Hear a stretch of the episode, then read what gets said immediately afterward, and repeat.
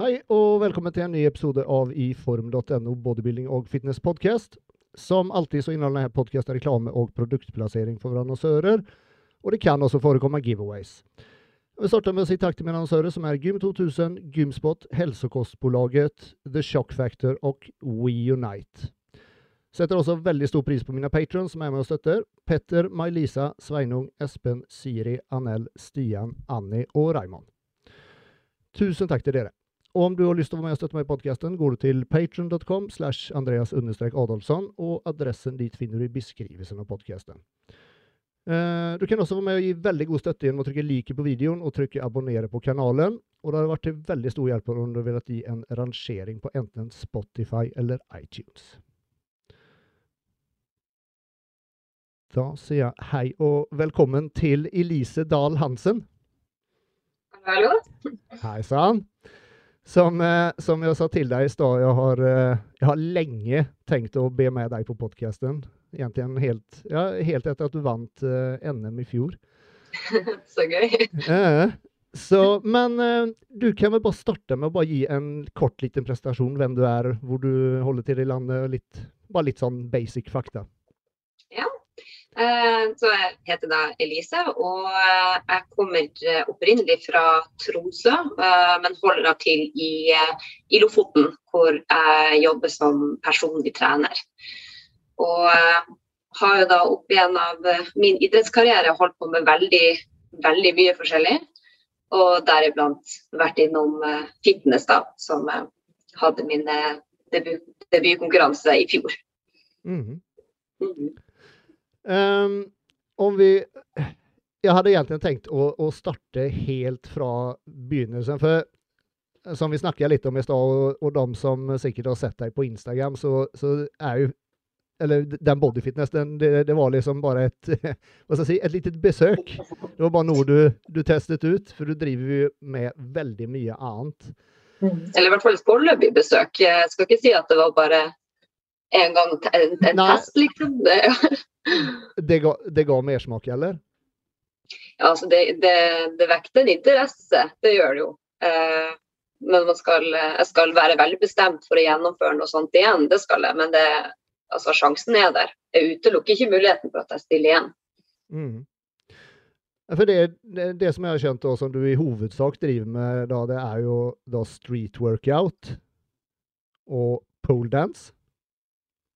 Ja, jeg vil si uh, uh, Ja, du kan jo si at hva jeg hovedsakelig holder på med, det kommer litt an på perioden du, du snakker med meg i. Eh, jeg har jo min hovedbakgrunn fra turen, og nærmere bestemt apparatturen. Og så har det da liksom utvikla seg til at jeg begynte med poledancing og satsa en stund på det. Og så oppdaga jeg street workout og calisthenics. Og så da var fitness eh, eh, idretten etter det igjen. Men jeg har også konkurrert i street workout og, og poledancing etter fitnesskonkurransen min i fjor. Mm. Så jeg er jo litt sånn fram og tilbake, kan man si. Ja. Du sier app, du har bakgrunn i apparatturn. Hva er det for noe?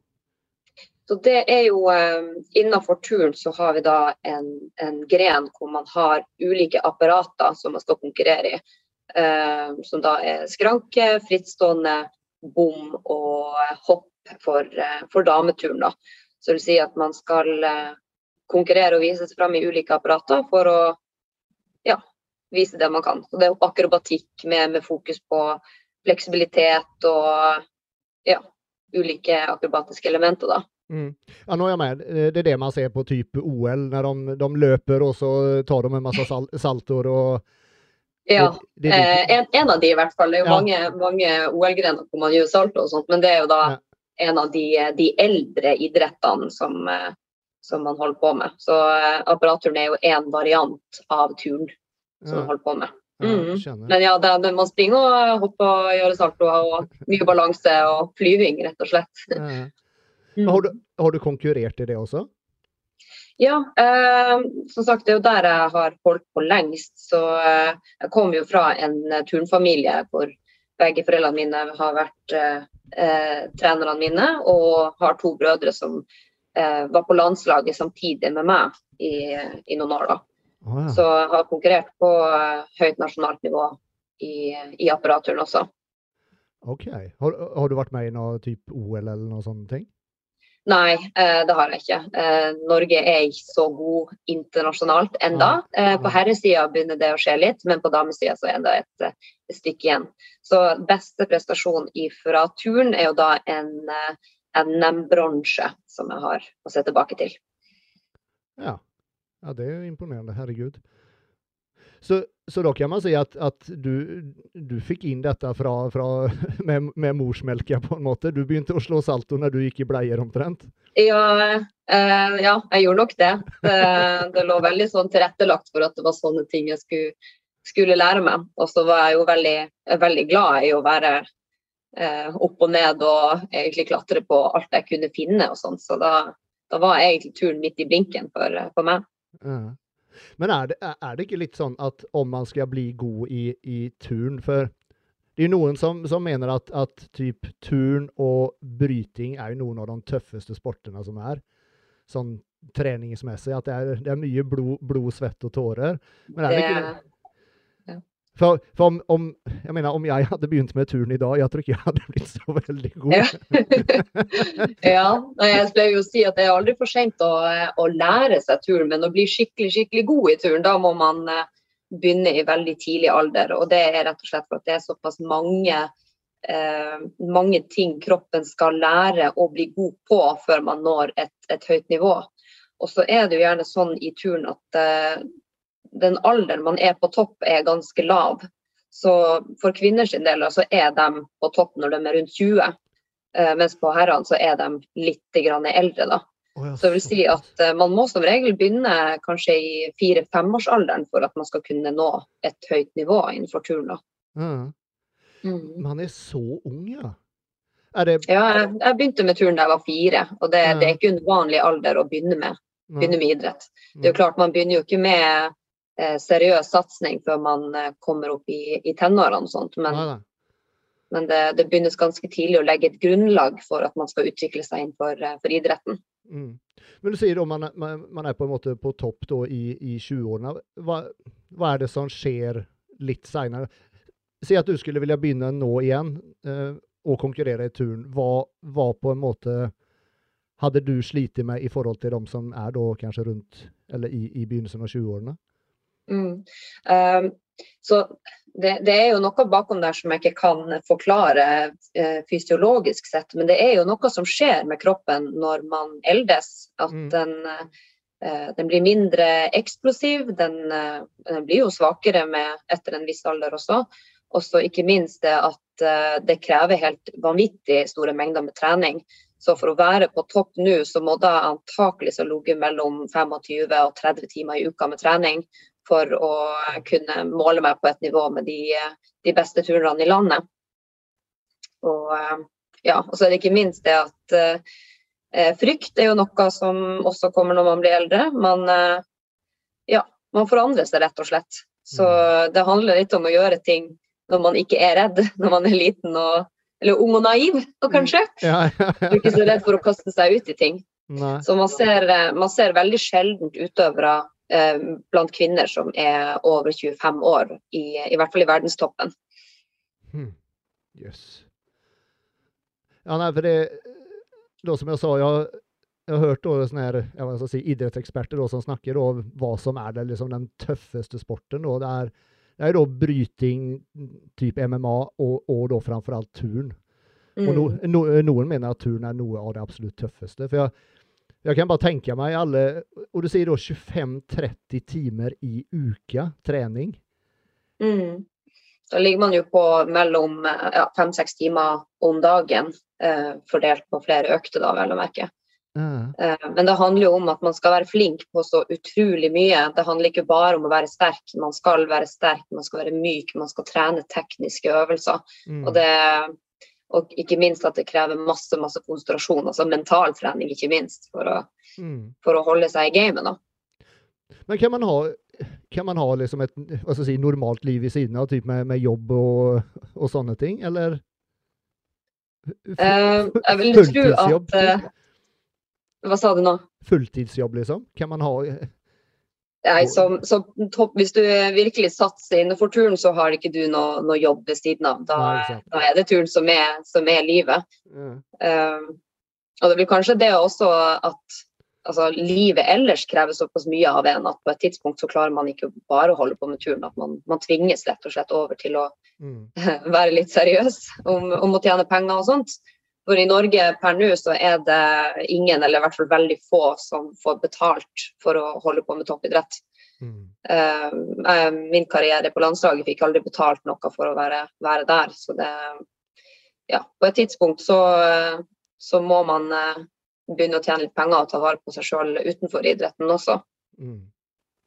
Det går rett og slett kun på gleden å drive med sporten og konkurranseinstinkt og, og litt sånne ting.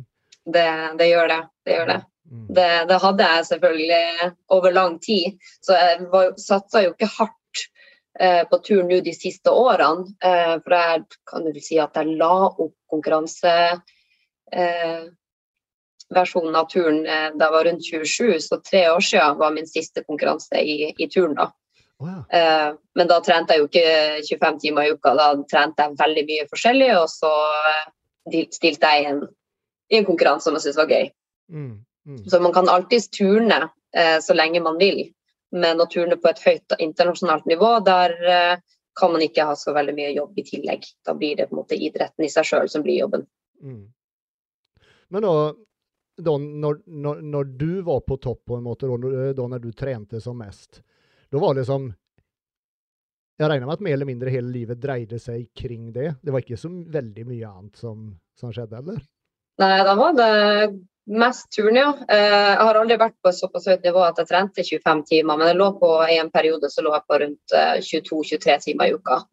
Eh, og da var liksom dagen starta med en treningsøkt, og så gikk jeg på skole. Og så eh, på ettermiddagen så hadde jeg en ny treningsøkt. Jeg trente under tre og fire timer. Tre og fire timer, det er lange økter. Ja, det blir Som sagt, man skal være glad i det man holder på med for å kunne holde på, holde på så lenge. Ja. Og det er hver dag vi snakker? Det er liksom ikke noen Ja, altså hadde, hadde en hviledag i uka og sånt, men stort sett, stort sett hver dag så, så holdt jeg på sånn. Ja. Mm. Og så takler kroppen eh, så mye trening. Har du, er du alt, går du alltid rundt og er støl typ, eller litt blåmerker og Ja, eh, altså man, man lærer jo kroppen til å, til å holde ut trening over lang tid. Og så skal det også nevnes at turen er jo ikke Når man trener turen, så er det ikke fire timer intensiv trening. Mm. Da, da har man gjerne eh, veldig sånn intervallpreget trening. At man holder på i kanskje ja, 20-30 sekunder, og så tar man pauser i to-tre minutter før man kjører en ny runde på det meste. Mm. Så, og ikke minst det at det er veldig veldig variert, så man belaster stort sett hele kroppen gjennom en treningsøkt. At det er veldig sjelden at vi overbelaster én del av kroppen. Da. Mm. Og på den måten så, så klarer man å takle mer enn hvis man f.eks. hadde hatt en, en ren beinøkt i fire timer. Det tror jeg er betraktelig verre enn en fire timers turnøkt, for å si det sånn. Ja. Men det, det blir litt sånn styrketrening da. Man på en måte, man kjører ett sett, og så eh, tar man pause mellom, ja, mellom settene, Mm. rett og slett. Ja, ja for man må, man må rett og slett eh, la kroppen lade opp til, til neste forsøk. Ja. Eh, Skjønner. Uh, vi tar bare en uh, kjapp reklamepause. Gym 2000 er leverandør av alt du kan ønske til ditt treningsrom eller gym.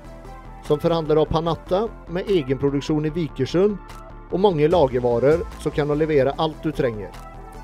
Nettbutikken gym2000.no er alltid åpen, og bruker du kodeordet 'gymbros', får du gratis frakt på alle ordre over 300 kroner. Altså kodeordet GYMBROS gir deg gratis frakt på alle ordre over 300 kroner hos gym2000.no.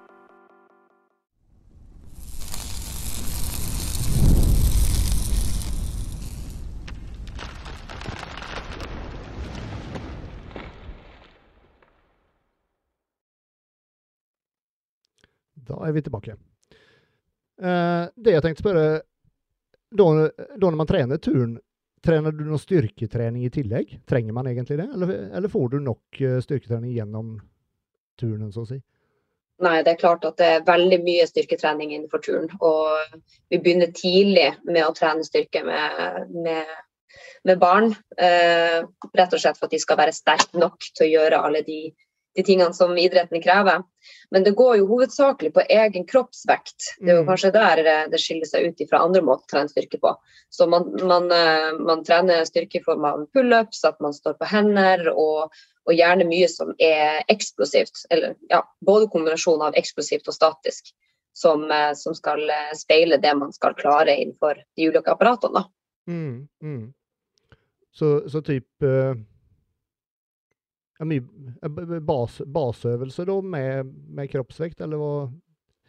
Ja, så altså, mye sånn eh, man, man, prøver jo på en måte å kopiere den styrken som man skal bruke i apparatene, som sagt. Og ja, så, eksempelvis sånn, ja. er det jo veldig mye Man står veldig mye på hender, så da er det jo en absolutt en fordel at man både er, har balanse og er, er sterk og utholden til å, til å stå i mm. håndstående. Uh, og ikke minst at man trener eksplosiv styrke, uh, sånn at man klarer å gjøre uh, de akrobatiske tingene man skal gjøre også. Men ja, styrketrening var fast en del av treningsøkta hver eneste dag. Mm. Mm. Er det da med, med, med kosthold og sånn? For som i, i, i, si, i, i fitnessverdenen da, så vet jo alle hvor nøye kostholdet er. Er det det samme mm. i, i turnen? For det er det vel også at man må på en måte prøve å holde vekta den må ikke løpe i vei altfor mye, for da blir det mye, mye tyngre å, å, utføre øvelsene. Mm, mm. Ja, så um, jeg sjøl fokuserte ikke så veldig sterkt på uh, kan du si, kaloriinntak når jeg var aktiv utøver for turen. Da handla det egentlig mest om å, å, spise sunt og egentlig spise nok til at jeg hadde energi og mm. trening. Uh, men det er jo klart at det er jo absolutt en fordel å være liten og kompakt når man skal uh, være turner. så Uh, og legge på seg sånt vil man fort merke uh, på trening også. At i og med at man skal bruke egen kroppsvekt i alt man gjør, så vil en ekstra kilo her og der virkelig mm. gjøre en forskjell både på teknikk og hvor tungt ting er å, å utføre. Mm. Så, men for min egen del så fokuserte jeg ikke på kosthold på den måten, annet enn at jeg skulle uh, spise det jeg trengte, da. Mm. mm. Ja, noen ganger kan jeg tenke meg med den treningsmengden så må det kanskje være, være problem med å få i seg nok, tenker jeg. For du må jo ha et enormt kaloriforbruk. Ja, nei, jeg hadde nok ikke noe problem med å spise nok. Jeg har alltid vært veldig glad i mat, så det har ikke vært et problem. okay. uh, så det, det, har nok heller vært motsatt at jeg til tider har måttet uh, begrense meg litt. I hvert fall når jeg var ferdig utvokst, når jeg liksom kommet ut av uh, puberteten og sånt, og kroppen begynte å stabilisere seg litt, så måtte jeg prøve å finne eh, det matinntaket som gjorde at jeg holdt eh, kroppsvekta på samme plass. Mm. Men det, altså, det, er jo en idrett hvor det er mange som sliter med spiseforstyrrelser nettopp fordi at en økt kroppsvekt vil gjøre at du presterer dårligere. Mm. Mm. Ja, ikke sant. Uh, og hvordan da fikk du opp eh, øynene for da, det street, street workout? He, heter den konkurranseformen street workout? Ja, eller altså det, det, heter vel både street workout og calisthenics. Det går egentlig litt av eh, med begge navnene, da. Mm. Uh, men før jeg kom på det, så var det jo pole dancing som, ja, som dukka opp først. Ja. Uh, og det var jo egentlig rett og slett uh, Jeg bodde fire år i Trondheim, og på det tidspunktet så var jeg kanskje litt fed up med alt som hadde med turn, for det var det eneste jeg jeg pusta og holdt på med og jobba med 24-7. Mm. Og da når jeg oppdaga at uh, poledancing eller polesport faktisk var en, en, idrett, så var jo det egentlig midt i blinken. For jeg har, har egentlig alltid vært veldig sterk innenfor turn. Og da når jeg bare fant ut at uh, jeg kunne bruke alle de, de, styrkene mine både for innenfor akrobatikk, eh, fleksibilitet og styrke på poledance, så var det sånn OK, det her skal jeg gå all in og satse fullt på. Så det, det var nytt satsingsområde fra ca. 2014. Da eh, gjorde jeg alt jeg kunne for å, for å, bli god i det. Og stilte i mitt første NM ett år etter at jeg starta med polsport. Og kvalifiserte meg til et verdensmesterskap etter, etter første konkurranse. Så der også gikk det jo eh, fortere enn, enn jeg overhodet hadde planlagt. Og da fikk jeg jo også bare blod på tann og bare måtte eh, holde på videre. Så jeg har da, per i dag har jeg totalt sju NM-gull fra, fra polsport. Og så har jeg to eh, femteplass fra verdensmesterskap. Yes. Men, men da når du prøvde, prøvde polsport, og jeg tenker du må jo ha klart da ja, helt i begynnelsen når du, eh, når du prøvde dette, du må jo på, på grunn av just din styrke da fra turnen, så må jo du ha klart å gjøre ting som andre kanskje bruker flere år på å trene seg opp til å klare. Mm. Ja, jeg, jeg merka jo at jeg fikk eh, Jeg hadde fått veldig mye gratis, da. Eller at det mm. at jeg holdt på med turen, så var det veldig mye jeg kunne overføre fra turen til, til polsport. Mm. Og da det, Jeg sier jo sånn at det, det, var jo egentlig bare å gjøre alt jeg gjorde horisontalt, kunne jeg snu opp til vertikalt og bare putte på en stang. For på mange måter så, så tolka jeg pole som som et nytt apparat innenfor turen. da. For det jeg holdt jo bare på med det samme som jeg var flink til, bare vendte det i en litt annen retning, da. Mm. Mm. Jeg kan bare si til dere som ser, ser på og lytter, at uh, gå gjerne inn på uh, Elise sin Instagram. Elise ed uh, understrek H.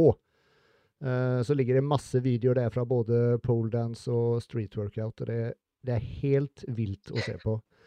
Som jeg, som jeg sa, det, det, er som å se en real life ninja. Det er eh, ordentlig ninjadame. Det er helt rått å se på. Det tar jeg med meg. Det, var, det første gang jeg har fått, eh, fått det kallenavnet. Så det, oh, ja, det, ja. det er noe første gang Apekatter har jeg ofte blitt kalt, så det ja, nei, ninja, ninja, er det rette ordet til mine, mm. i, mine Ja, kult. Ja. Nei, men det er veldig tydelig at jeg, jeg er glad i alt som har med med kroppskontroll å gjøre, kan man si. da. At jeg syns det er mm. artig å, å, utfordre det, det vi kan gjøre med kroppen i, i alle retninger. Om mm. det er opp ned eller nedover eller i form av styrke eller fleksibilitet, så syns jeg det er spennende. Mm. Så syv, syv uh, NM-gull i polesport. Eh, og så begynte du med street workout, eller begynte du med det under, ja. underveis, så å si? Det, det, begynte jeg jo også med underveis. Og eh, det var jo da når eh, korona slo inn. Eh, for da ble jo jeg, som så mange andre, utestengt fra både turnhall og treningssenter. Mm. Men så hadde jeg jo på en måte lagt merke til at okay, street workout det ser ut som en kul ting. Det er litt sånn, det er litt sånn turn, bare litt kulere. Bare litt mindre stil og litt mer, litt mer tricking, da. Mm. Og da jeg fant ut at det, var, at det ble arrangert et norgesmesterskap i det òg, så var det liksom Ja, det her kan bli mitt koronaprosjekt. Og da bodde jeg fem minutter unna en tuftepark, eh, hvor jeg begynte å, å, trene på det, da. Så eh, det som er med street workout i forhold til andre idretter, det er jo som jeg kaller det tufteparkturen. Så du bruker eh, stenger, ribbevegg, eh, en, eh, en, sånn parallel bar eh, sånn herreskranke til å kjøre akrobatikk og styrke i kombinasjon med hverandre for å få poeng. Mm, OK. Hvor, hvor, lang tid før, før, før, det er NM da begynte du å trene? Eh, spesifikt? Jeg, jeg, begynte vel å leke litt i parken fire måneder før NM. Uh, da, da, jeg, da, begynte jeg bare å gå ut og eksperimentere med litt forskjellige ting som jeg så på YouTube og på Instagram, og så satte jeg sammen en rutine da, som jeg brukte til å, til å stille mitt første NM. Og hvordan gikk det når du stilte første gangen? Den, den vant jeg. OK. Ja. Jeg tar og prøver en ny sport. Jeg trener fire måneder, og så går jeg og vinner ja. hele greia. Iskaldt. ja, det, det, det, høres litt sånn klysete ut, men, mer, men, jeg fortsatte jo egentlig bare med ting som jeg var god på. Det var akrobatikk, det var styrke. Det var mm. akkurat som da jeg overførte turen over til poledance, og fra poledance mm. til, til street workout, så, så eh, var jo det en, en lett overgang, i motsetning til uh, hvis jeg hadde begynt med en ballsport, f.eks. Da hadde nok overgangen ikke gått så bra, nei, kan jeg tenke meg. Nei, det, er, det, er, jo som du sier, det er, det er jo veldig mye, mye, av det samme, på en måte. Mm. Eller ja, det går på det samme. Um, og der, der, har du vært med Du har vunnet NM to ganger i, i street, street, workout, ikke sant? Jeg har vunnet to NM-gull, ja. ja. Hva tenker jeg? Jo, jo toen. ja. Du mister litt tellinga. ja. Og så har jeg vært med i et nordisk mesterskap også, og der fikk jeg en sølvmedalje. Ja. Men dette Eller kan man si at du holder på med, med det nå fortsatt? Eh, street workout og, og pole, pole dance og Mm. alt sammen? Ja. Ja, så eh, litt som jeg nevnte, at det har vært veldig sånn eh, eh, sesongbasert hva jeg har fokusert mest på, da. Så eh, eh, nå den siste konkurransen jeg hadde, var norgesmesterskap i polsport, som var i mai. Mm. Og så er, har jeg en plan om å stille nordisk i street workout i oktober. Men det handler litt om jeg klarer å komme i, i form etter sommeren. Eh, men uansett så er da etter det så er det et nytt verdensmesterskap i polsport som er, som er planen per nå. Mm. OK. Mm. Du sier 'komme i form', vil jeg si, og, og at du må komme i form fysisk, eh, sånn som i typ fitness, at du, at du må ned noen kilo? Eller er Mm. det, er det rett og slett at du ikke har trent nok på øvelsene i det siste? Det er absolutt begge deler. Eh, både det at, eh, eh, at jeg har gått litt opp i vekt, så det, det påvirker jo absolutt eh, prestasjon. Mm. Eh, ikke minst at jeg må finjustere alt av eh, elementer, alle triks som jeg skal gjøre i konkurranse. Begynne å trene mer på det. Og ja, rett og slett stille om kroppen til den konkurransen jeg skal konkurrere i. Mm. Ja, og så har jeg jo hatt en ganske lang pause nå fra sist norgesmesterskap. Da kjente jeg at kroppen min trengte en god pause og en, eh, å koble av litt. Så er det da spørsmål om jeg klarer å koble på igjen nå eh, før oktober. Jeg ser den. Jeg ser den. Ja, som sagt, du, eh, du heiv deg på Norgesmesterskapet i, i fitness, i bodyfitness. Stilte du for første gang i fjor. Mm. Eh, og da, da, da regner jeg med at du var med i Sandefjord Open først, eller? Mm, det var min eh, første konkurranse. Så det var uka før, eh, før Norgesmesterskapet. Da må jeg først eh, spørre, hvor, hvor kom lysten å, å finne på noe sånt?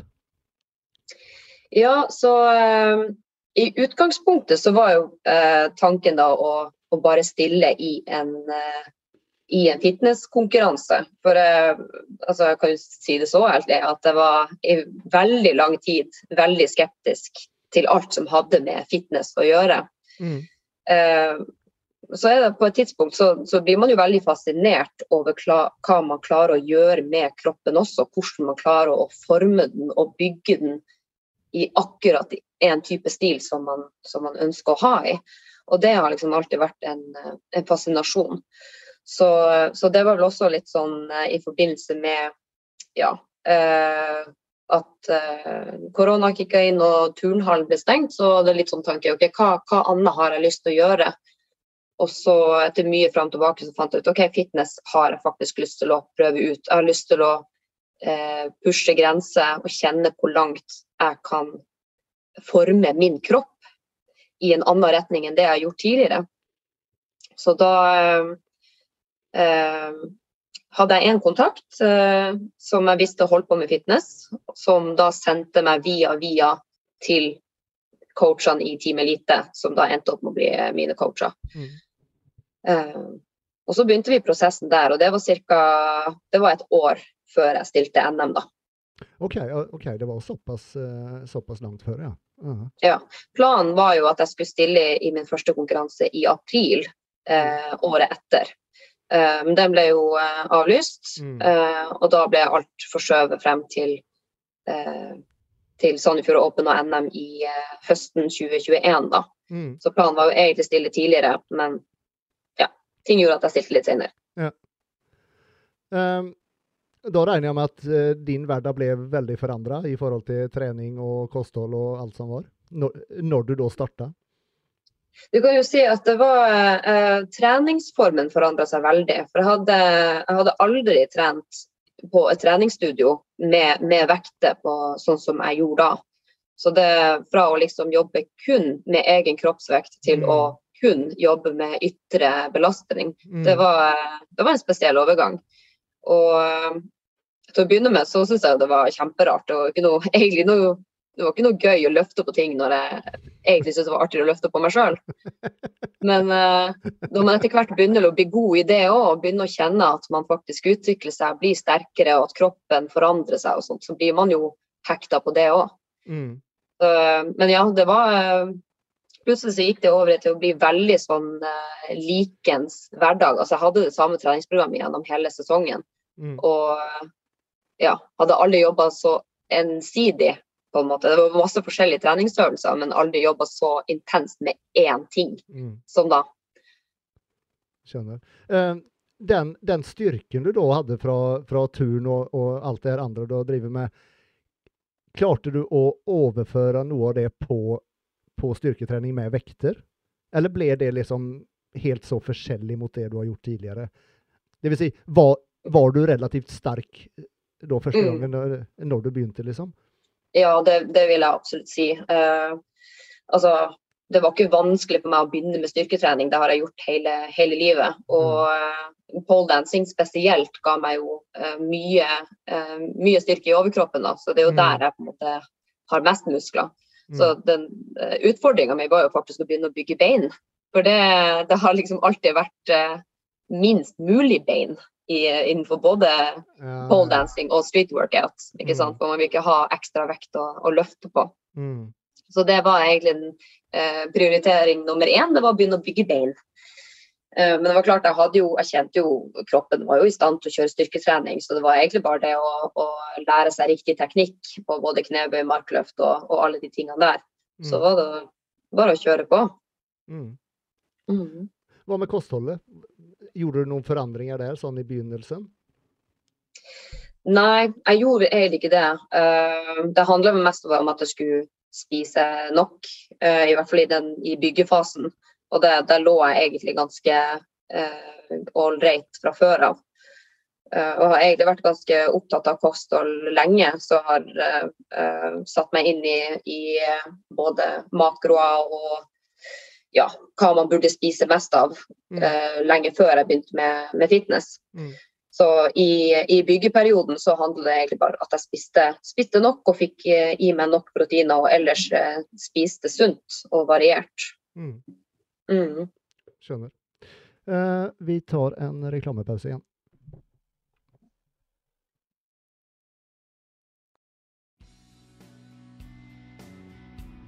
Sliter du med smerter, dårlig søvn eller er du i behov av økt restitusjon? Da kan CBD være noe for deg. CBD er en av over 120 substanser som man finner i hemplanten, som er blitt brukt i tusenvis av år for en rekke helserelaterte effekter. Deriblant forbedret søvn, redusert stress, angst og smerte. Og alle disse positive egenskapene er knyttet til CBD. Med en firestegs ekstraksjonsprosess tar WeUnite fram det reneste produktet på markedet, som inneholder kun CBD og er helt uten spor av THC. Dette er også dokumenterbart, da hver eneste serie som blir produsert, blir testet slik at innholdet i hver flaske kan dokumenteres og spores ut fra batchmålet. Det er nå over 2500 studier som dokumenterer de positive effektene med CBD, som kan være redusert stress og angst, forbedret søvn, økt restitusjon, smertelindring og forbedring av ADHD og Parkinsons. Selv har hatt fantastisk god effekt av CVD siden jeg begynte med det for et par måneder siden. Mange års både tung og mange ganger uforsiktig trening har satt sine spor i form av vondter i mer eller mindre hele kroppen. F.eks. knebøy har jo vært mer eller mindre helt umulig å kjøre de siste ti årene. Om jeg har hatt på meg en 50 kilo, da. Men det går nå helt smertefritt. På siste økten hadde jeg faktisk en åtter på 160 kilo, noe som har vært helt umulig bare for noen måneder siden. Og nå som jeg endelig kan kjøre min favorittøvelse igjen, så er både treningsgleden og motivasjonen større enn på veldig mange år. Jeg merker også at søvnen har blitt betraktelig mye bedre. Så om du sliter med smerter, dårlig søvn, stress og angst, eller om du trenger økt restitusjon, så kan CBD virkelig hjelpe deg. WeUnite tilbyr Core-serien, som består av de reneste og mest testede CBD-produktene på markedet. Om du har lyst til å teste ut om CBD kan være noe for deg, så går du inn på gymbros.weunitegroup.com eller weunitegroup.com slash gymbros. Altså gymbros.weunitegroup.com eller weunitegroup.com slash gymbros. Adressene og linkene finner du også i beskrivelsen av podkasten. Du får kjapp levering, og ved kjøp av større kvantum blir også prisen veldig bra.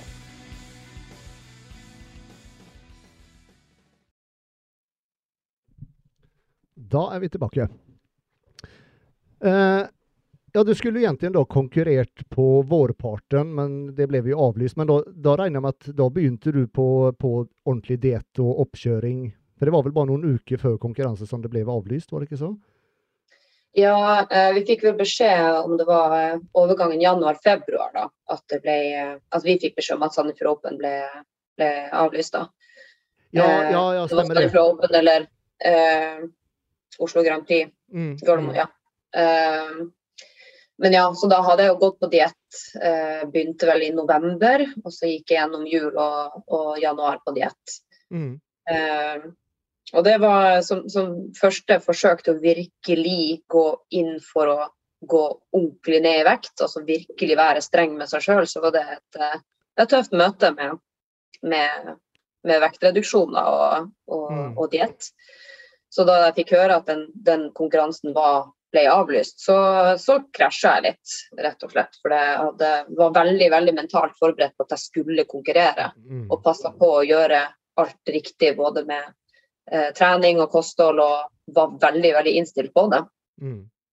Så eh, nei, det var, det var litt tøft. Eh, men i ettertid nå så ser jeg jo at eh, hadde det ikke vært for den kanselleringa der, så hadde jeg jo antakeligvis ikke stilt norgesmesterskap eller de konkurransene senere. Nei. Og eh, jeg fikk jo bare enda bedre tid til å faktisk bli eh, i enda bedre form. Mm. Så nå i ettertid så er jeg egentlig mer takknemlig for at um, den konkurransen ble avlyst. Ja, ja, ikke sant. Jeg skjønner godt at det ble et slag i ansiktet de- der og da. Det har jeg full forståelse for. Det var, det var jo litt samme i, i 2020. Da ble jo konkurransen avlyst. Det var bare to, to eller tre uker Mm. før. Det var mange som var egentlig sceneklare, ikke sant? Mm. Mange som gikk på det kan smell. jeg tenke meg at hvis jeg hadde det tøft, så har de hatt det mye, mye tøffere enn eh, Mm. enn det jeg gikk gjennom. Det, det krever sitt å, å skal stille i en sånn konkurranse. Det gjør det absolutt. Det gjør det.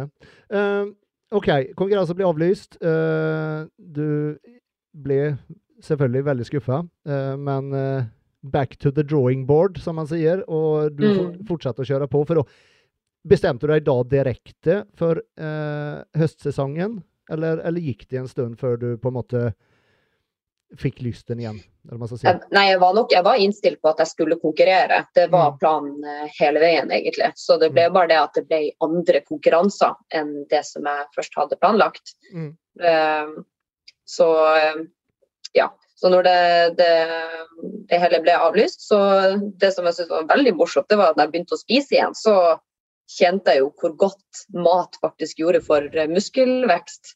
For da plutselig spratt alle vektene i taket, og jeg kunne bygge masse og sånt. Så det var, det var egentlig en, en boost. Eh, og en morsom opplevelse, rett og slett. Fikk skikkelig god fremgang på treninga, rett og slett. Ja, vanvittig.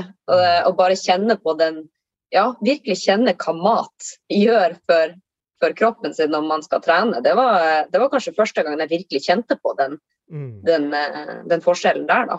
Mm. Når, når sen da eh, ut på Da regner jeg med at du, du starta oppkjøringen til Eller hva skal jeg si Selve dietten ute i mai, mai eller noe sånt? Juni, kanskje? Ja, det var mai, mai jeg begynte i, på diett. Mm. Mm. Mhm. Var det tøft å begynne på da igjen, eller eh, var Det er jo litt sånn at uh, man, man bestemmer seg for at nå skal jeg begynne på det løpet der. Og da Mm. var det, hadde vi satt en dato, og da begynte jeg på diett uh, fra og med den datoen. Og da, da, da stiller man inn hodet sitt på at uh, det her er noe man skal gjennomføre. Og det, du har et mål langt der fremme, og du har lyst til å gjennomføre det målet så best, eller så, så bra som overhodet mulig. Mm. Og da, da teller hver eneste dag og hver eneste ting man gjør i den prosessen. da.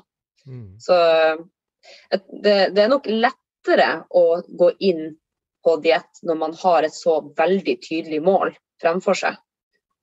Da, da har man ikke noe Det er ikke noen måte å, å man, man har, kan ikke diskutere med seg sjøl om man skal gjøre det riktig eller ikke, man bare gjør det riktige. Ja, du bare må. Du bare må. Mm. Hvordan var det å, å, å gå på diett, du som aldri har gjort det noe lignende før? Mm. Så jeg har jo, har jo prøvd å gå på diett tidligere. Jeg har liksom prøvd å gå ned i vekt, men ikke så, ikke så hardt som jeg gjorde da. For jeg var, jeg var veldig bekymra for om jeg skulle klare å gå ned i vekt. For eh, tidligere forsøk da måtte jeg kutte ganske hardt for at kroppen min skulle reagere på, på, eh, på kaloriunderskudd. Mm. Så, så jeg var veldig veldig spent på om jeg fikk de resultatene jeg skulle ha. Så Det var derfor jeg var så ut, ja, måtte være utrolig nøye med, med absolutt alt jeg spiste. Jeg kunne liksom ikke gå utenfor matplanen min da, for, å, for å få de resultatene jeg, hadde. Mm. Uh, men det, når resultatene begynte å komme, så, så var det en opplevelse i seg sjøl, det òg. Og gir motivasjon til å fortsette.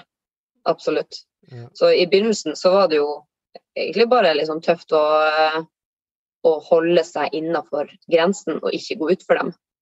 Og så ble det selvfølgelig andre utfordringer når, eh, når man begynte å nærme seg konkurranse. Eh, hvor man begynte virkelig å kjenne på eh, hvor lite energi man har i kroppen rett før, rett før konkurransestart og sånt.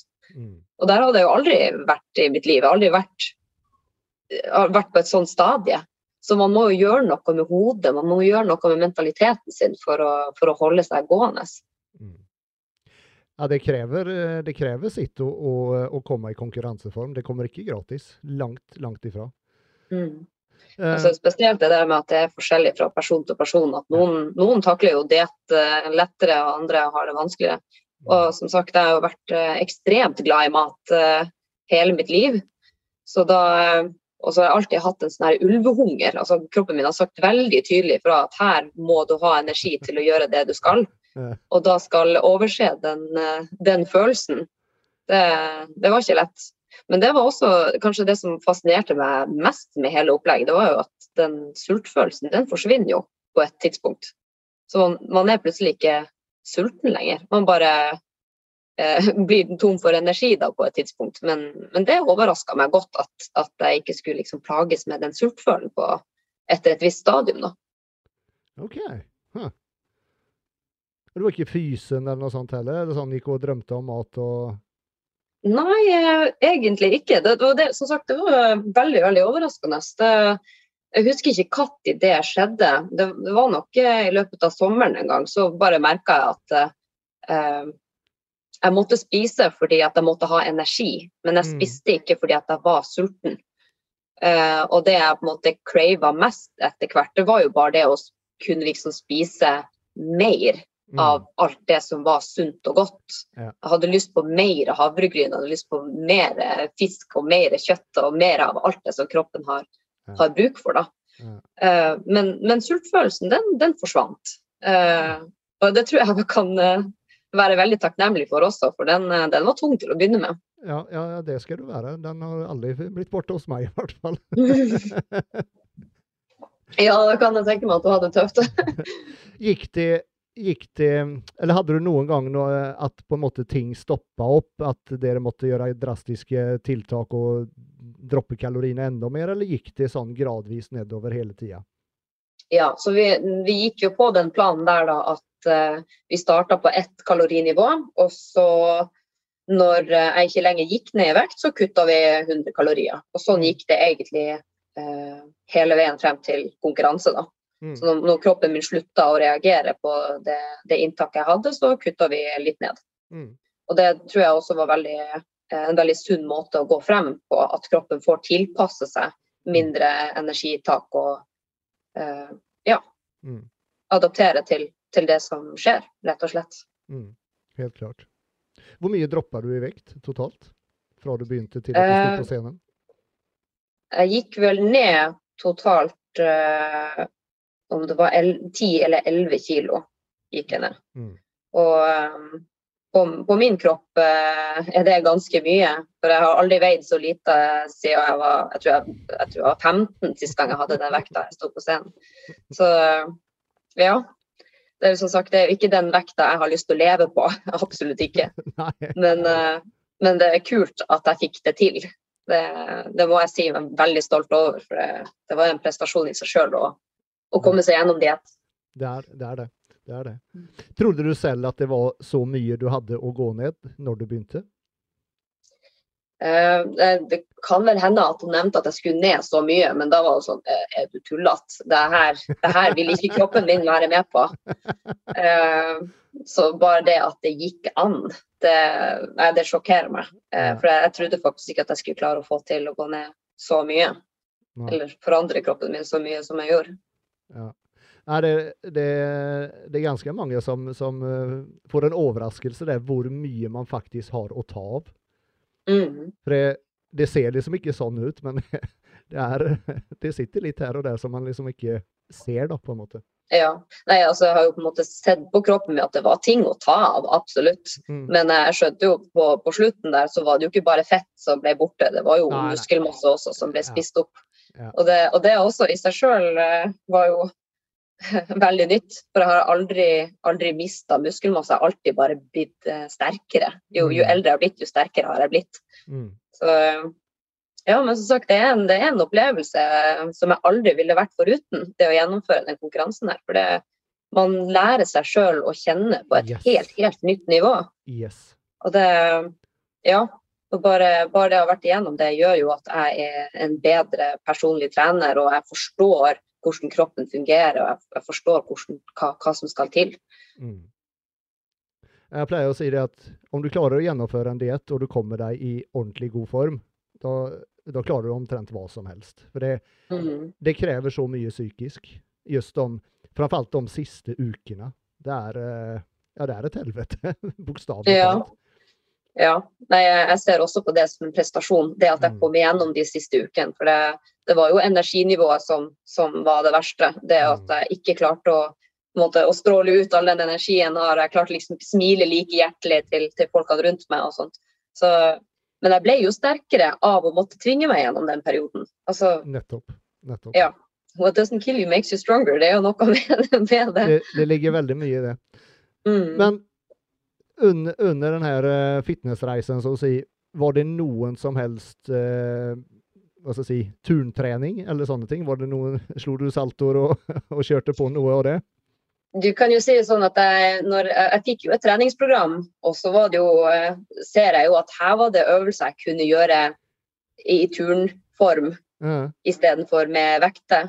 Så eksempelvis eh, sittende skulderpress med manualer, den valgte jeg å gjøre i håndstående istedenfor. Så da å gjøre håndstående pushups Mm. istedenfor. Mm. Eh, så valgte jeg å kjøre veldig mye pullups og ja. Altså alle ting som jeg så jeg kunne gjøre med, med egen kroppsvekt, det, det ønsker jeg å gjøre. Rett og slett for å holde treninga morsom, da.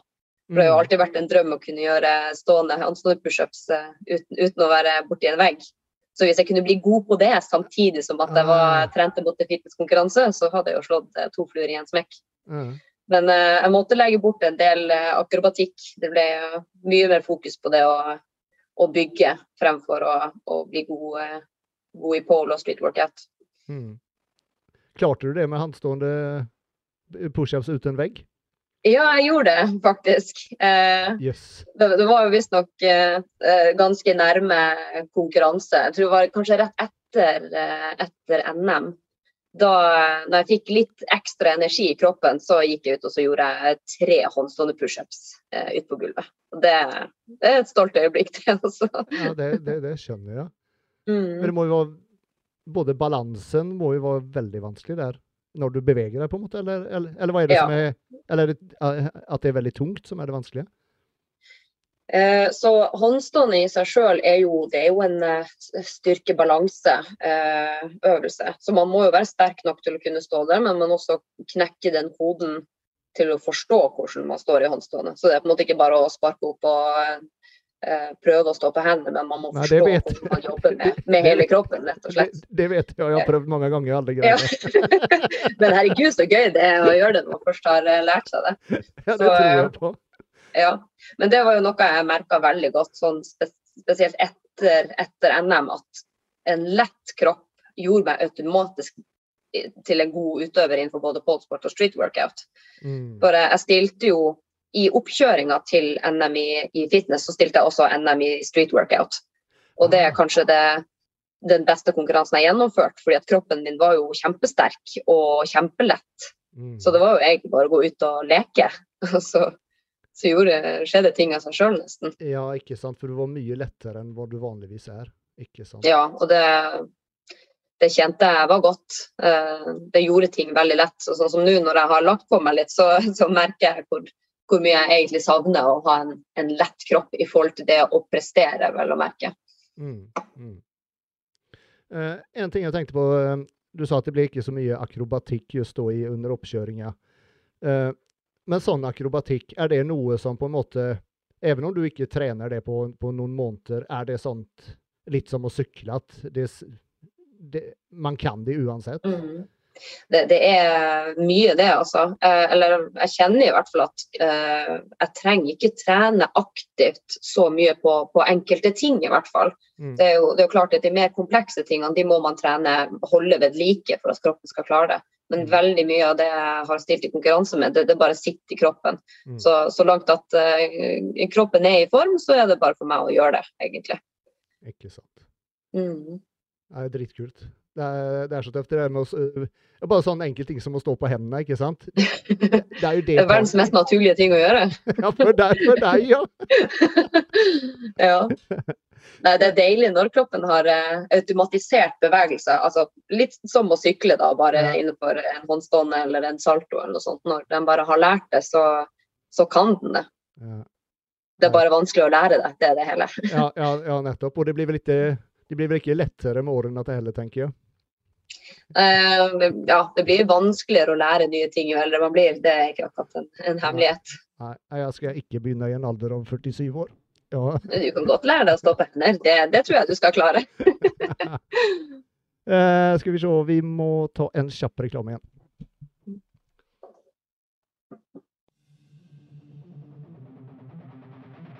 The Shock Factor er et nyoppstartet norsk treningsklesmerke. De har i tillegg til sin Oversize Collection nå en flankens ny Performance Collection ute på markedet, og som du kan bestille på shockfactor.com. Og husk da å kode GYMBROS for 10 avslag på prisen. Jeg hadde det store nøyet av å møte gutta bak The Shock Factor på Norway Grand Prix. Jeg både fikk sett og testet noen av klærne. Mykt og deilig stoff som gjør klærne digge å ha på seg, og i tillegg er det veldig god passform.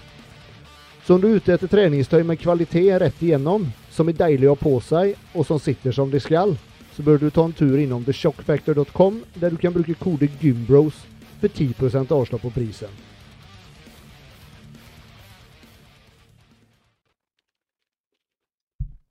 Da er vi tilbake.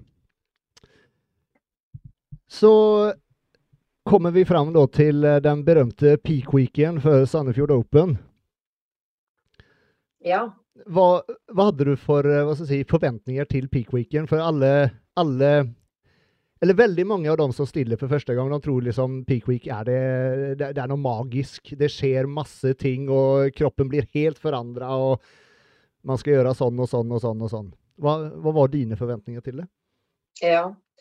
Um, jo, jeg hadde egentlig bare innstilt på meg at eh, peak week det kom til å bli, det kom til å bli tøft. Det var det.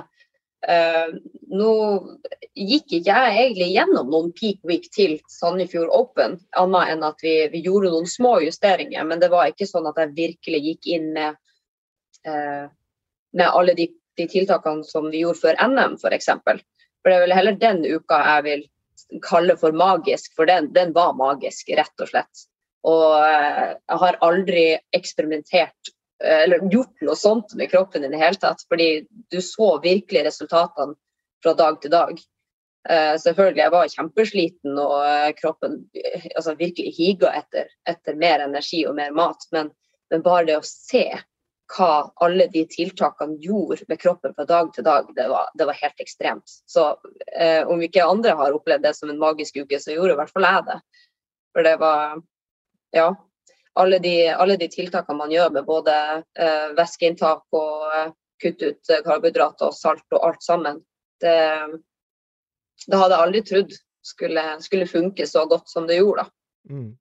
Hva var grunnen til at dere eller dere gjorde ikke noen spesielle ting da til Sandefjord? Det var mer bare en, en, en testkjøring da, tenker jeg?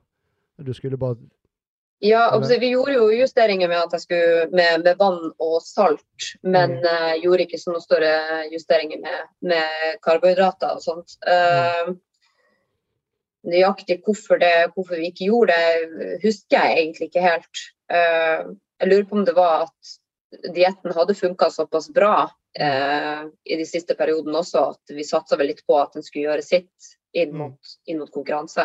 Mm.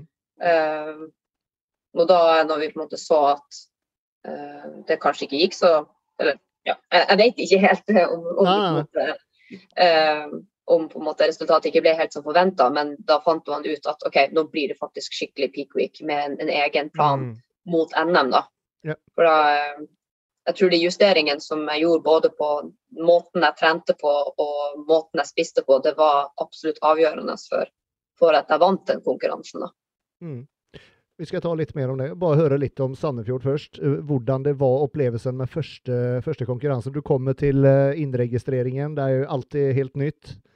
Hvordan, mm. hvordan var den opplevelsen? Det Ja, det, jeg kom inn i en helt ny verden, rett og slett. Eh, fra den akrobatiske turnverden der det handler om å strekke på tærne og plante landinger, til å ja, komme inn der du skal, du skal, du skal oppføre deg på en helt ny måte. Du skal eh, se ut på en helt spesiell måte. Bare det å gå gjennom eh, tanning var jo et eventyr i seg sjøl, egentlig. Jeg, altså, jeg tror jeg var, jeg var nok litt, litt, i litt mer sånn sjokktilstand enn jeg, var, enn jeg trodde jeg kom til å være. Uh, når jeg liksom så tilbake på Sandefjord uh, Open, så følte jeg ikke at jeg presterte så godt som jeg hadde lyst til. Jeg følte at når jeg kom ut på scenen, så eh, jeg klarte liksom ikke å, å, kjenne kroppen min sånn som jeg er vant med når jeg presterer bra. Da, da mm. kjenner jeg hver eneste muskel, da, da, er hodet mm. mitt på plass, jeg vet akkurat hva jeg skal gjøre. Og mm. den, den idrettsutøveren som jeg er, den, den, var ikke til stede på Sandefjord Open. Så jeg merka jo at jeg, jeg, både var, jeg var både stressa og uh, jeg kjente sånn spesielt at jeg skulle stå og posere så lenge på scenen. Det, det var jeg ikke forberedt på. Og der, når jeg begynte liksom å få skjelven på scenen, da skjønte jeg at oi, det her går faktisk ikke den, den veien jeg har lyst til. Mm. Så jeg merka nok allerede da at selv om det var min første konkurranse, at her presterte ikke jeg 100% Det var ikke så bra som jeg hadde lyst til at det skulle være. Um, og det nok, var nok en viktig del av læringsprosessen i det hele. Det at man skal feile litt og ja, lære hva man kan gjøre bedre neste gang. Mm. Hadde du, hadde du øvd ehm, Eller selvfølgelig hadde, eh, hadde du øvd posering, men hadde du, eh, følte du at du ikke hadde øvd nok, kanskje? Uh, jeg følte at jeg hadde trent masse på å liksom komme inn i de riktige på poseringen, men mm.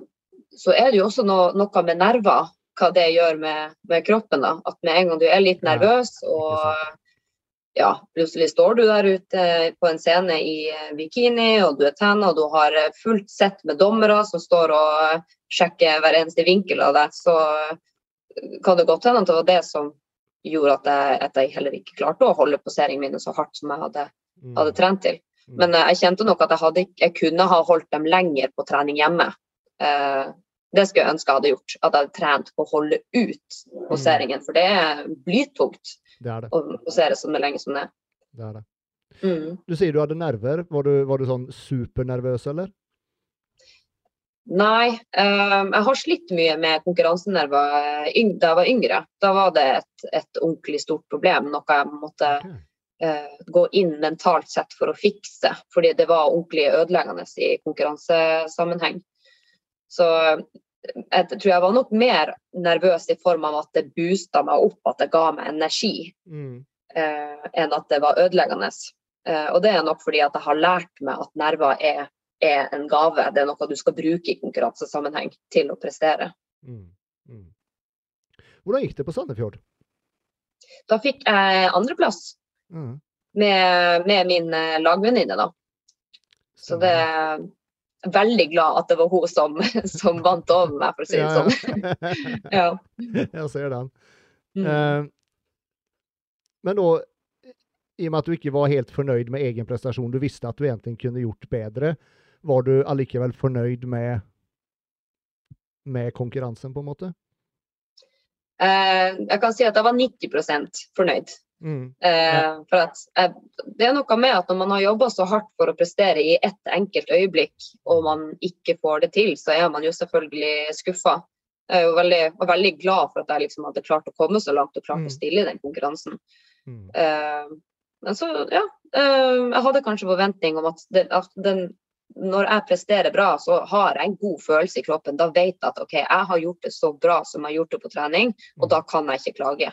Men den følelsen hadde ikke jeg på, på Sandefjord Open. Den, Mm. den savna jeg når jeg liksom går av scenen og tenkte yes, det her naila jeg. Den hadde jeg ikke da. Men den kom derimot i NM-helga. Når jeg gikk eh, av scenen der, da visste jeg at nå kan ikke jeg gjøre det så veldig mye bedre. I dag kunne ikke jeg gjort det bedre. Mm. Da eh, bli ferdig med Sandefjord Open. Jeg regner med at du fikk deg kanskje noe godt å spise på kvelden også? Litt avbrekk fra dietten? Ja. Det, eh, jeg skrev faktisk dagbok eh, etter Sandefjord Åpen, eller gjennom Sandefjord Åpen og hele den uka eh, til, til NM og sånt. Og da fikk jeg jo spise fikk lov til å spise godt etter konkurransen. Men det er jo rart når man ikke har spist mye, så tåler jo ikke kroppen å spise så mye heller. Så jeg var jo mett bare et øyeblikk etterpå. Omtrent. Jeg hadde så lyst til å spise mer, men det var sånn jeg klarer ikke. Det går ikke. Jeg klarer ikke å få meg noe mer. Så Mm. det gikk noe i de tingene jeg, jeg lengta etter å smake på, og sånt, og så uh, var det egentlig nok. Så begynte jeg egentlig på ny diett uh, dagen etter Sandefjord Åpen. Da var det, da var det klar tale fra coach om at OK, hvis du vil, at, vil prestere bedre ved NM, så må vi sette i gang nå. Mm. Du kan få lov til å spise i dag, kose i dag, men så er det på'n igjen. Og det er én uke til til, eh, til norgesmesterskap. Da er det jo bare å kjøre på, egentlig. Ja, stemmer det. Det var bare én uke imellom der, ja. Vanligvis, Mm. vanligvis er det jo to. Stemmer det. Ja. Og da regner jeg med at motivasjonen var, den var på topp?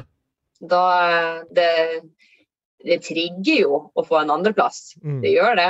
Mm. Det er noe med at fader, og den andreplassen der skal ikke jeg ha, jeg skal på topp. Um, det var i hvert fall den innstillinga der jeg hadde, at nå eh, skal jeg gå inn i en konkurranse og føle at jeg har gjort det så bra som overhodet mulig. Og så Mm. får på en måte plasseringa bli, bli deretter. Men ja, da var jeg eh, Jeg var veldig, veldig innstilt på alt som skulle til for at jeg skulle prestere bedre. Og vi gjorde som sagt eh, tiltak med både både litt av trening og, og mye eh, Jeg gikk inn i en, i en peak week sånn skikkelig, og fikk da resultatene deretter. Fortell litt hva dere gjorde med i, i, i forhold til trening og, og, og, de forandringer som ble gjort. Mm. Så eh, mentalt sett, eller kroppen min tålte ikke noe mer styrketrening, egentlig. Så vi kutta egentlig ut eh, alt av styrke, og vi kutta egentlig ut mye av cardio nå, for vi fant vel ut at det var ikke så mye jeg kunne få til. Jeg var ganske, ganske sliten. Så selv om jeg fikk, en, jeg fikk et ganske godt løft bare det at jeg hadde spist på lørdagen, så den varte jo på en måte hele uka, Mm. føltes det som. Men, men jeg begynte rett og slett å trene masse, masse posering. Det var det, var det jeg gjorde. Jeg droppa cardio, jeg droppa heksetyrke, men poserte. Poserte dag inn, dag ut, og flere ganger om dagen. Rett og slett for at kroppen min skulle tåle å stå på scenen i den tilstanden jeg var i, og ikke minst klare å holde formen uten at jeg begynte å skjelve eller Mm. ting skulle ødelegge seg. Så det, det var absolutt avgjørende det, bare det at jeg ble mer utholden i poseringsposisjonene. Mm. Så du trente bare posering i en hel uke? Mm. Me, ja, mer eller mindre? Yes. Det, Ja, det var, det det var ikke så veldig gøy, men det var, det Nei, var det stå og flekse og stramme og liksom bare Ja. Det er jo å bare å stramme muskelen så lenge man klarer, egentlig, i ulike Mm. stillinger. For det er jo akkurat det man skal gjøre på, på scenen. Så du kan si at jeg trente ekstremt spesifikt på det jeg skulle prestere i. Ja. Jeg tror faktisk aldri hørt noen som, som kun har uh, gjort det sånn. Det er interessant. Ja. Det var, eh, var- det var jo det jeg var dårlig på i Sandefjord Open, så det var det Ja. jeg måtte bli bedre til eh, til NM. Var det din idé, eller var det Hassan eller Janne sin? Det var, eh, det var vel begge to. om Det Det var i hvert fall coachene mine sin, Ja. sin beskjed, sin uh, idé om at det var det jeg skulle gjøre. Yes. Og det, det funka. Ja, ja tydeligvis. Mm. Eh, i, forhold til, I forhold til mat og sånn, var det noen forandringer der? Så som, Ja. Mo, ja. da, da, gikk vi ordentlig inn i, i peak week. Så da eh, kutta vi jo eh, gradvis ned både på eh, kaloriinntaket og karbohydratinntaket. Og begynte å drikke mye vann og spiste mye salt. Så kroppen begynte å skille ut alt det som, som binder vann, rett og slett. Mm. Så da ble det på en måte bare gradvis mindre og mindre helt fram til uh, mot konkurranse, hvor uh, Eh, vi kutta ut eh, eh, vann på et tidspunkt og kutta ut salt på et tidspunkt, før man begynte å karbe opp for konkurranse. Mm. Mm. Karba du mye, eller? Uh, nei, det var vel hovedsakelig på dagen rett før konkurranse og på konkurransedagen. Og da karba ja. vi opp per time, da, så da fulgte hun Janne meg opp eh, time etter time og så hvordan kroppen min forandra seg. For den forandra seg virkelig fra time til time. Den gjør det. Igjen, eh, det er magi. Helt sjukt. Ja. Så da var det egentlig spise karbohydrater, se hvordan kroppen reagerte, og så, og så karbe mer eller mindre, alt ettersom hvordan hun syntes at jeg så ut. da. Hvor lang tid før uh, kuttet du vannet? Var det dagen før, eller? Eh, eh, konkurrerte vel på lørdag og kutta ut vannet på om det var torsdag. Kan det stemme? Ja, torsdag, eller så var det tidlig fredag. Jeg husker det ikke helt, helt nøyaktig. Men uh, ja, det ble kutta helt ut på fredagen, kanskje. Tror jeg. Mm. mm. Men jeg uh, eh, kutta jo også saltet tidligere. Jeg tror vi kutta ut salt på, på torsdagen. Og så eh, kutta ut vann på fredag. Personlig så syns jeg just det, eller de ganger som jeg har kutta vannet da syns jeg det er det tøffeste sånn da, dagen etter på konkurransedagen. Man, går og, man, man er så tørst så man Det er det eneste man har lyst på, det er noe å drikke, liksom. Hadde du litt av det samme, eller? Gikk det greit? Det gikk faktisk overraskende, overraskende godt. Altså, det jeg kanskje nøyt mest med det, det var at jeg ikke måtte gå på do fem ganger i løpet av natta. ja, For det var virkelig en, en plage eh, ja. de, de, dagene man måtte drikke liksom fire-fem liter. Det var at jeg måtte på do hele tida. så jeg tror nesten at jeg nøyte litt at jeg kunne faktisk bare ligge og slappe av og ikke måtte gå på do. Sånt, så, men eh, også er det noe med det at man går jo inn i en boble konkurranse er en boble. Og man, man, tenker ja, hvis jeg har vondt, så er det fordi at jeg skal, jeg skal prestere i noe. Ja, sant. Uh, du sa du, du slapp å gå opp uh, så mye på do i løpet av natta. Uh, på tale om søvnen, hvordan var de siste ukene på diett på just med søvnen? Klarte du å få sove ordentlig? Jeg, minnes at jeg sov godt. Uh, men jeg hadde nok ikke så mye av den dype søvnen.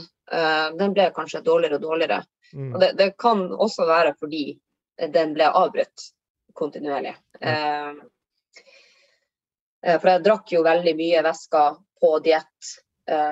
nettopp for å fylle magen og føle at jeg, at jeg ikke var så veldig sulten. Så det var jo ja, det var et stort væskeinntak ganske lenge før det også. Så ble det på en måte bare litt mer ekstremt på den siste uka. Mm. Uh, men akkurat det med søvn uh, uh, den kunne absolutt ha vært bedre. Men det tror jeg også handler om den situasjonen jeg var i, i tillegg til at det var oppkjøring. At jeg hadde det litt stressende på jobb, og at det var, det var, mye som skjedde i livet mitt. Vi fikk jo en, en valp i samme periode Oi. som skulle ha mye oppmerksomhet. Ikke sant. Så en ting var at, liksom at uh, dietten gjør jo at man blir veldig sliten, og man, uh, okay, så, så, klarer man ikke å være 100 til stede for, for partneren sin. Mm. Men det gjorde litt vondt at jeg ikke kunne være supermamma for den lille valpen vi hadde fått. Det var, det var kanskje verst. Ja. Man, har, man har bare ikke energi. Man har liksom bare energi til seg selv. Det her, og, og, ja. og, så vidt det. Så vidt det, altså. Det var, det var nok å komme gjennom dagen, for å si det mm. sånn. Det var, ja, som sagt, det, det, det, er tøft. Man har lite energi, og det er en del av gamet mot en konkurranse. Men man vet jo at det er midlertidig. Og det gjør da at OK, det er greit, jeg kan klare meg det her. Det går fint. Ja, ikke sant. Så lenge man vet at man skal tilbake igjen i en normal tilstand og en normal kropp etter at man er ferdig med konkurranse. Mm. Eh, kjør bare en siste reklame, så er det noen spørsmål til. Trenger du kvalitetsprodukter, knallbra service og kjapp levering? Da er Gymspot stedet for deg. De har fysisk butikk i Exhibition i Bergen, og sender over hele Norge via nettsiden gymspot.no. De har stort utvalg av protein, PVO, alternativ mat, aminosyrer, treningsutstyr og treningsklær. Og ved spørsmål kan du kontakte dem via gymspot.no på Instagram. Det er nye tilbud hver uke og måned, så følg med. Med kodeordet GYMBROS får du 10% rabatt på alle varer unntatt merkevaren SPD. Og nå får du også med en Purple Burn PVO ved alle kjøp over 700 kroner. Altså 10% rabatt når du bruker kodeordet GYMBROS hos Gymspot.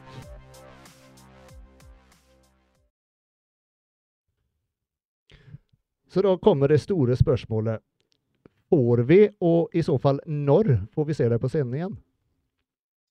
Ja, det er et uh, utrolig uh, godt spørsmål. Uh, hvis du spør min familie, så sier de aldri. Men, det, sier, fruen min også. ja. Og det, det, er nok fordi at altså, de, de, ser jo hvor tungt det her er. At, at, man skal liksom at man skal pushe kroppen gjennom noe så jævlig, det, det er jo Det kan man jo spørre seg mange ganger om. Nei, um, det er jo sånn livet skjer, eh, skjer jo, og det er mye som skjer i livet. Så jeg har, jeg har, ingen konkret plan om når jeg eventuelt stiller på en scene igjen. Det er, det er en tanke jeg har om at det er noe jeg har lyst til å gjøre, men jeg må jo bestemme meg i, i god tid i, i forkant. Mm. Uh, men det jeg har på en måte merka nå, at den pausen jeg hadde etter sittekonkurranse, det var en pause jeg, jeg trengte. For det har vært mange konkurranser etter hverandre. Det var jeg er også trener, så jeg hadde jo utøvere som stilte i norgesmesterskap i polsport. Og så stilte jeg sjøl i NM i street workout, så var det NM i, i fitness. Så stilte jeg i, i nordiske street workout. Og så var da neste konkurranse igjen NM i, i påsport eh, nå sist mai. Så det har jo på en måte vært et år med veldig mange konkurranser rett etter hverandre. Og nå har jeg to store konkurranser igjen frem til jul. Og så tror jeg kanskje jeg må tillate kroppen å, å slappe av litt og fokusere egentlig på, på, livet ellers litt også, før jeg eventuelt virkelig bestemmer meg for at eh, nå skal jeg satse på en ny fitnesskonkurranse. Mm. For nå, eh, hvis jeg eventuelt stiller på scenen igjen, så, så, har jeg nok høyere ambisjoner enn det jeg hadde sist. Ja. Typ, da tenker du internasjonalt, skjønner jeg? Ja. For jeg, jeg, jeg sjokkerende nok så jeg kvalifiserte meg jo til til VM og fikk mm. en, en landslagsplass. Uh, men som sagt så er det her, uh, det her er såpass tøft å gjennomføre. Man skal være veldig mentalt klar på det man skal gjøre. Mm. Og da jeg da fikk den, den, plassen, så var ikke jeg mentalt klar til å gjennomføre en ny diett frem til VM. Så da, dessverre, så måtte jeg, måtte jeg egentlig takke nei til den plassen, for jeg, jeg visste at jeg var ikke i mental tilstand for å kunne gjøre noe, noe sånt på nytt. Mm. Så um, hvis jeg, hvis jeg nå stiller på scenen igjen, så er det med mål om at jeg skal stille i et VM en gang. Mm. mm. Jeg snakka, med, jeg snakka litt med Hassan her eh, ja, da, når jeg skulle eh, ta kontakt med deg, ikke sant? Og mm. Eh, hans egne ord var at uh, du har en internasjonalt konkurransedyktig fysikk. Han mente at du, du har virkelig noe å gjøre på et VM. Mm det, det, er jo det er den beste bekreftelsen jeg kan, jeg kan høre. For som sagt, jeg, jeg vet jo ikke hva, eh, hvem er den beste utøveren, fordi jeg er såpass ny i den, i den sporten der som jeg er. Så, så har ikke jeg klart å, å, å sette meg inn i eh, ja, de beste utøverne. Hva gjør det at denne utøveren er bedre enn den andre utøveren? De, de mm. skillene klarer ikke jeg å gjøre. Men Hassan har jo masse erfaring, eh, mm. og Janne også har jo en, en ekstremt lang erfaring og mm. vet hva de ser etter. Så det, hvis, han, hvis han virkelig mener det, så, så, tror jeg på han med, med, hele mitt hjerte, for å si det sånn. Da vet jeg at eh, hvis de vil hjelpe meg opp mot et VM, så er jeg i gode hender, for å si det sånn. Det har vært veldig gøy å se og se hvordan du kan gjøre det internasjonalt. Helt klart. Ja. ja, det gjør jo at nettopp at jeg har eh, en, en, en, tanke om at jeg har lyst til å gjøre det igjen. Men da skal jeg virkelig være innstilt på det. Da skal jeg virkelig på en måte ønske å gå inn med, med hud og hår for å, for å gjennomføre det. Mm. Hva, hva, er tøffest? En oppkjøring til en uh, poledance eller street workout-konkurranse, eller oppkjøring til en fitnesskonkurranse? hva som er tøffest? Mm. Definitivt en fitness. Det, det er tøffest, ja. Um, og det er fordi at man ofrer så mye av, uh, av, livet sitt ellers. Man, man ofrer jo sosial omgang, mat, uh, energi til jobb og kjæreste og alt sammen. Alt det for å, uh, for å prestere, da. Mens det, det, er lettere å integrere i livet sitt når man holder på med street workout og, og ballsport. I tillegg så er jo oppkjøring mot en konkurranse innenfor de, de andre to idrettene er jo litt mer lysbetont. fordi at Der handler det om at da skal du spise nok for at du skal prestere. Du skal, du skal trene teknisk, du skal ja, trene veldig annerledes. Mm. Rett og slett.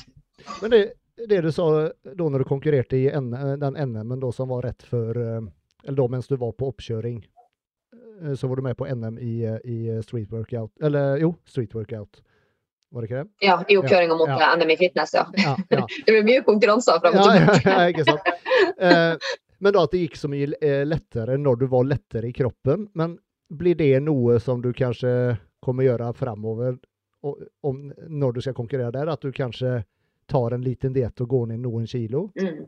Ja, så det, det, er nettopp det jeg gjør nå, da. Det er okay. at jeg har begynt på en, en ny diett, og jeg håper at jeg skal klare å få meg ned noen kilo mm. eh, for å kunne prestere bedre.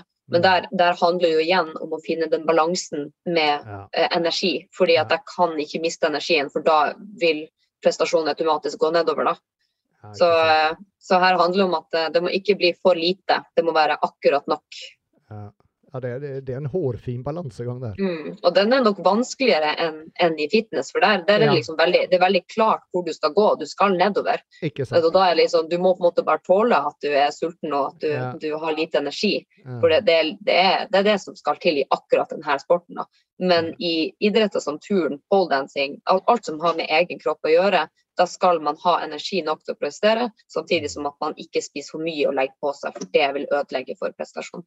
Mm en sånn street workout-konkurranse, hvor, hvor, hvor, hvor, lenge er selve konkurransemomenten, eller hvor lenge er det man presterer? Er det liksom snakk om ja, en time, eller er det bare snakk om noen få minutter? Mm. Så uh, i, i, street workout så, så, konkurrerer man to minutter av gangen. Så da, da, har man to minutter på å vise alt man kan, og vise så mye kult man kan, rett og slett.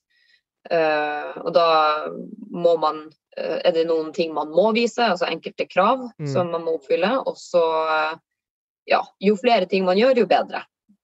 Rett og slett. Ok. Har du noen, mm. har du noen kort i baklomma som du skal dra fram neste gang? Uh, om jeg har noen nye triks ja. og sånn?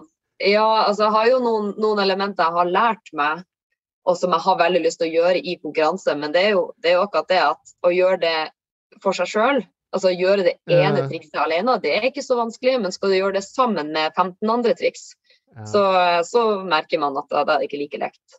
Så det, teknikken er nok inne. Nå handler det om å, om å, komme i form, sånn at jeg klarer å gjøre det alt sammen, rett og slett. Mm. Elise, det har vært uh, veldig gøy å ha deg med, og jeg setter kjempestor pris på at du har lyst til å være med. Utrolig hyggelig å, å få være med. Det, en opplevelse, det her òg. ja, det, det, det, er godt å høre. Er det, noe, er det, noe, du har lyst til å si, eller noe du har lyst til å promotere, eller noe ja, sånn helt til sist? Ja, nei, jeg må jo, jeg må jo uh, få lov til å promotere min, uh, mitt eget team, altså Team Elite, som, uh, som, fikk meg til den konkurransen i fjor med, på Norgesmesterskap. Og, så, og at de, de støtta meg opp gjennom hele veien og var der for meg. og ja, tok meg imot uh, før jeg skjønte at jeg holdt på å falle, rett og slett. Uh, så mye skryt til dem. Og så uh, vil jeg på en måte også sende ut til alle de som, som har i bakhodet at de har lyst til å stille i en fitnesskonkurranse. Og det er at man skal aldri gjøre det som en unnskyldning til å gå, komme seg i form. Det er mitt budskap. Man skal, man skal, vite hva man går inn for, man skal ha lyst til å gjøre alt det som kreves og man skal være forberedt på at det er tøft. Mm. For jeg vet jo at det er mange som sliter med nettopp spiseforstyrrelser i denne bransjen. og Derfor må man være sterk i hodet for, ja. for å kunne komme helskinna ut av det også. Mm. Veldig, veldig kloke ord. Absolutt. Ja, men Så bra. Da ja. får du ha en riktig god helg. Ja, tusen takk, det samme. Så skal jeg ta og sette meg ned og redigere dette og legge ut på Spotify, så kommer det snart ut. Kult, kult. Da snakkes vi, og så ses vi snart på scenen. Ja, vi gjør det. lykke, lykke til, og lykke til i kommende konkurranser. Tusen, tusen takk. Vi snakkes, Andreas. Det gjør vi. Ha det bra. Ha det.